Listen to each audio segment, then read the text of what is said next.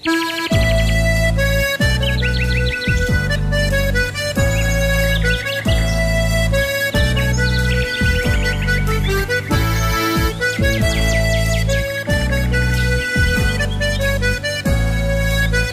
que l'arbre més antic de Catalunya és una olivera que té 4.000 anys i que els arbres més alts que tenim són els plàtans de la Devesa de Girona?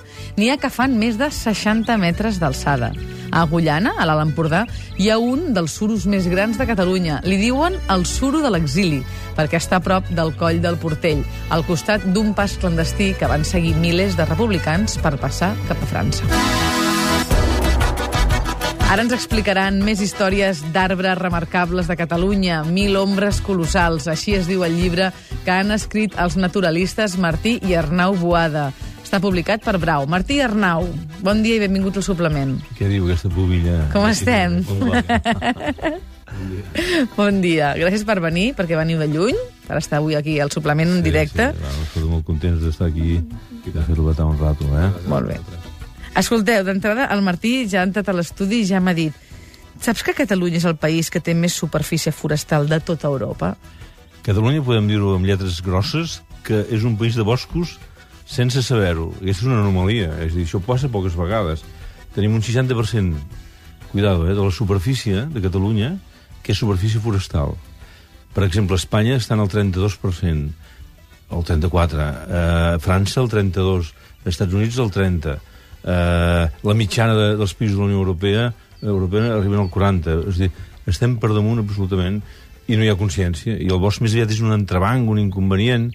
El mateix de, el, la mateixa Generalitat tam, així mateix, ho dic, eh, eh, em dol amb això, perquè no, no, eh, hi ha un, un, un servei de boscos, diguem-ne, com una cosa, quan el territori, i a més a més el bosc no està quiet. En 30 anys hem augmentat un 20%, però és que el, el bosc es va expandint, és una, és una, no està quiet. És dir, cada pagès que tanca el mas i abandona les feixes, encara que allò on compri un metge com a segona residència, un arquitecte o una família per anar-hi passar el cap de setmana, però el bosc va avançant, va avançant, de tal manera que això no és una millora, uh -huh. ni amb la biodiversitat, perquè es va homogenitzant el paisatge i perdem quantitat d'espècies, perquè augmenta el bosc, augmentem en nombres de gatxos, en nombre de gatxos, de tudons, etc. Però, però realment aquesta és una idea que s'ha de treballar molt. Catalunya és un país de boscos i que a més hem fet una, co hem fet una cosa eh, que no, no ha fet altres cultures, que és posar urbanitzacions a dintre. Llavors, quan hi ha un incendi forestal, el problema no és un problema forestal, de, un problema social de molta uh -huh, envergadura, uh -huh. diguem-ne, no? De fet, una de les coses que m'ha cridat més atenció quan he fullejat el llibre Arbres remarcables de Catalunya, sent nombres colossals, és quants arbres que no veiem. Això Arnau se n'ha de saber, perquè segurament jo he passat pel costat d'alguns d'aquests arbres i sí, de tant en tant dius, guaita, quin tronc més gros, o quin ombra que fa aquest arbre. Però tenim veritables meravelles que vosaltres heu recollit aquí. Sí, eh, és així com dius, perquè, de fet, el tema de, de el, la remarcabilitat, que és un terme que el meu pare fa servir molt en aquest llibre, i poc utilitzat en bibliografia de, del tema dels monumentals, eh, eh, és que un d'aquests arbres, eh, al, no tenir, al no tenir un criteri establert de com, com determinar-los fins ara, eh, està bé, eh, doncs, com, com, com s'ha fet en aquest llibre, doncs, com situar-los eh, a nivell de, de Catalunya i donar doncs, claus per accedir-hi. Llavors, eh, tenim una distribució eh, bastant mm, important d'aquest tipus d'arbres i el que eh, fan llibres com aquest, eh, que, que, que hem publicat, eh, és eh, donar-los eh, a conèixer, no? Uh -huh. De fet, fins i tot indiqueu com arribar-hi amb GPS, o sigui, esteu a l'últim en aquest Sí, sí, sentit, sí, eh? sí. per, per posar-ho realment fàcil. Que hi haurà un doble risc, eh? Ara, amb aquest llibre serà tan fàcil arribar a certs arbres que la gent haurà de tenir especial cura quan hi arribi, perquè si no, encara som especialistes, eh? L'espècie humana en fer malbé allò que la natura ens regala. Estic totalment d'acord. Ahir vaig estar justament ahir, eh? O sigui, no par... vaig estar en el més, en el més gros, eh, el més gros de perímetre, Quin és? Que és el, el de Can Cuc, el castanyer de Can Cuc, que fa 11,8 de perímetre. Està buit per dintre el tronc i vivia un carboner fins als anys 60. Eh, i a la, Dins? A dins, a dins. I tenia el jazz, i tenia la... Així és. Eh, Ostres. Eh, i tenia el, el, el jazz i la llar de foc i tot. Eh, El això. ramat. i, i el ramat a, a fora. Per allà fora, no? M'imagino, Sí. tots a dins ja no, m'ho vull imaginar, eh? Sí, sí. Sí, sí, no. El ramat eh, eh, utilitzava l'ombra, no? La, la capçada per amorriar-se, no? Doncs eh, eh, ahir vaig estar-hi i realment és denunciable perquè el mateix arbre jo eh, eh, vaig veure ja que està en aquests moments té algunes parts de l'arbre que està manifestant una certa malaltia perquè és, és la Rambla eh? és a dir, eh, és la Rambla eh, i, i clar, no hi ha protecció és com si de cop la Pedrera o, o la Sagrada Família I poguessis anar a acampar durant un temps, el, no? El dret de cuixa, eh, vinga, tot Déu... És a dir, és a dir, el dret de socialitzar-ho, o i tant que sí, però allà és el lliure albedrío, és una cosa... És un exercici de- de- de- de, eh, d'anarquia eh, que, que, bueno, jo, jo la la ideologia anarquia, eh, anarquista no l'abomino ni de bon tros, diguem-ne, però no canalitzada en aquest sentit, Mhm. diguem-ne, no? Perquè tot aquest patrimoni està protegit? Bueno, en aquest tema, a veure, aquí hi ha molta... Eh, S'hauria de, de racionalitzar una mica eh, el comentari general, no? A veure, hi ha com, una, hi ha com uns criteris vale, oficialistes eh, que sí que fan una mena de jerarquia de, de protecció, no? Diguéssim, el, la cúspide seria el tema de quan, quan un arbre, doncs la Generalitat el declara monumental, no? Uh -huh. Llavors, eh, aquí sí que hi ha com una mena de decret llei, no?, que diu que aquest, eh, aquest arbre és, és com una mena de, eh, té com un decret, un protectorat eh, oficial, no? Llavors, eh, com si fos un monument... No es pot tocar, no es pot talar, no es- imagino que és això, no? Penalitzacions... Després hi ha, hi ha com una, una segona escala, que seria la, la denominació d'arbre d'interès comarcal, i una tercera, que seria la local. I després hi ha com un, un, fenomen, un fenomen totalment asistemàtic, que són una sèrie d'arbres que eh, no estan catalogats per diversos motius, no? des de que els propietaris no els interessa, Val. Etc etc. Llavors, eh, aquí hi ha una mica de, de, de, de batibull perquè no, no hi ha una sistemàtica i el que sí que està clar és que aquests arbres existeixen i molts d'ells no estan oficialment catalogats.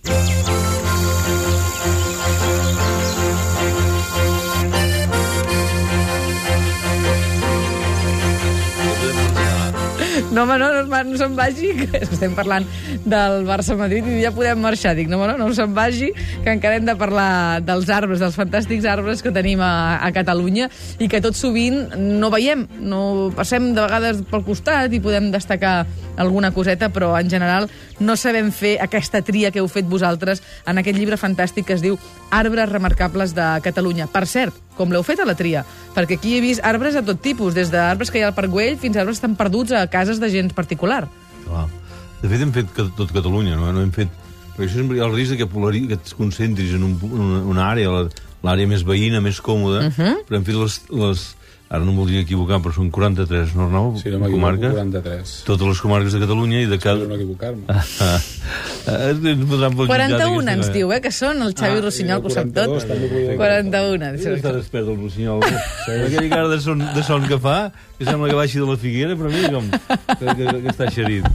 Doncs, eh, eh, 41, doncs, és a dir, ho hem proporcionat, a més a més, tampoc no podíem fer eh, doncs, el Vallès Oriental perquè som d'allà i posar-ne més, de manera que hi ha dos, dos arbres per comarca, en alguns casos tres, Sí. de veritat, Arnau, Sí, sí. I, i per tant eh, això hem pentinat el, tot, el, tot el territori són, han estat 3 anys de, de feina 3 anys de feina eh, sí que l'Arnau sobretot ha portat molt aspectes primer de documentació uh -huh. i hem treballat amb les primers eh, eh, com, com ha anat això Sí, a, a veure, això va anar...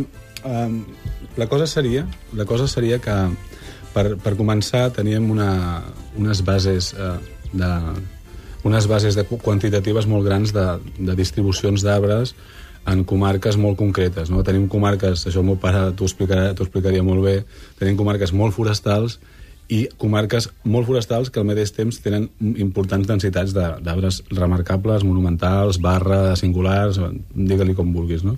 Llavors teníem, tenim altres comarques eh, que no hi ha tradició històrica eh, en aquesta temàtica i llavors aquí eh, la, la, la meva feina o la, la nostra feina en general ha estat una mica de recerca eh, doncs, a veure, en comarques, per exemple, com les Garrigues, com el Penedès, eh, el, no sé, els dos Penedesos, eh, el Tarragonès, eh, comarques que no tenen molts boscos i poca història en aquest aspecte, doncs, molt, pràcticament un any de recerca doncs, amb regidories de, de medi ambient, uh -huh. amb, doncs, també a través de la, de la Generalitat, amb, amb l'Eduard pare, l'Eduard Parés, que és, eh, és l'home que durant anys i anys s'ha dedicat a, a aquesta temàtica i que ha defensat molt a, el tema dels monumentals a Catalunya, doncs hem intentat fer, abans, abans de començar la feina, vam intentar fer una mica de mapa conceptual eh, i geopolític del que hi havia, no?